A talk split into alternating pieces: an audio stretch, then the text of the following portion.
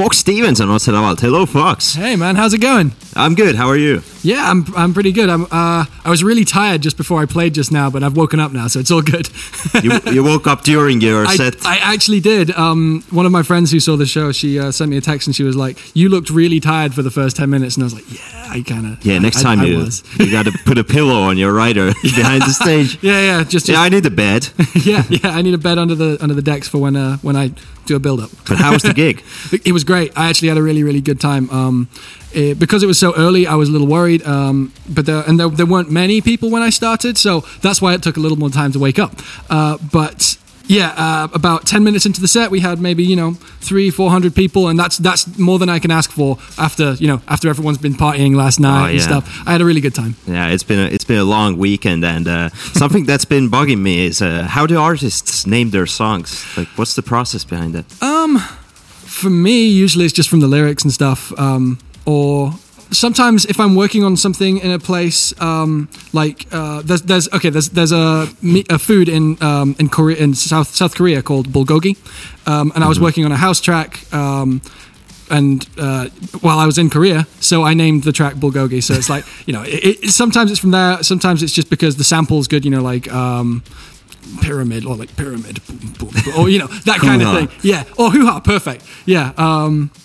But yeah, for me, it's uh, or or like I name it after like a feeling, and I can't find the words for that. I don't know. okay.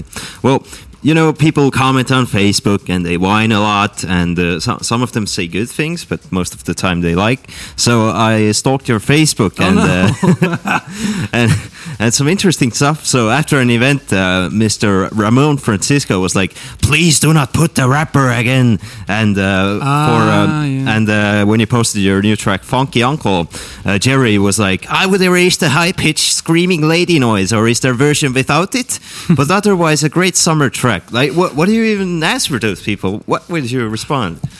I mean, f- when when people say bad things about my music in particular, so like him saying this high pitched screaming lady thing, um, I just think you know he, that's fine. Yeah. he's allowed to think that. You know, uh, I hear songs that I don't like that I know lots of other people like. Um, and you know, if somebody likes the track, then I'm happy. If people don't like the track, that's fine. That's that's their ears, and they That's they, their they opinion. own that. And for the rapper thing, a lot of people because I make um, like especially in like the, the Netherlands and stuff where I make uh, sets that are quite they're quite hands up and happy and stuff. And then you've got like a, uh, an MC uh, shouting over it. A lot of people don't like um, not hearing the music and the melodies. And that's that's why people get angry about that. But to be honest uh, people are, are allowed to think what they think. And, and that's, absolutely. that's that's how we work you know?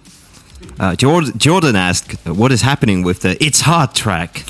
Uh, the It's Hot track um, was part of something I've been working on for a while. and Now it's not. It's kind of just. It's a little bit dead now. Oh, I- man. What's dead? He's been waiting for it for so long. You should do it for like- Jordan. Um, I still play it sometimes. I think I'm just going to keep it as like a track that I'll sometimes end my sets on, um, and maybe one day it'll be a full track. Do you have tracks that you only play on sets and won't release? Yeah, Like mainly, DJ tools, Yeah, mainly because I don't think that um, I could make them into full length things without kind of ruining them.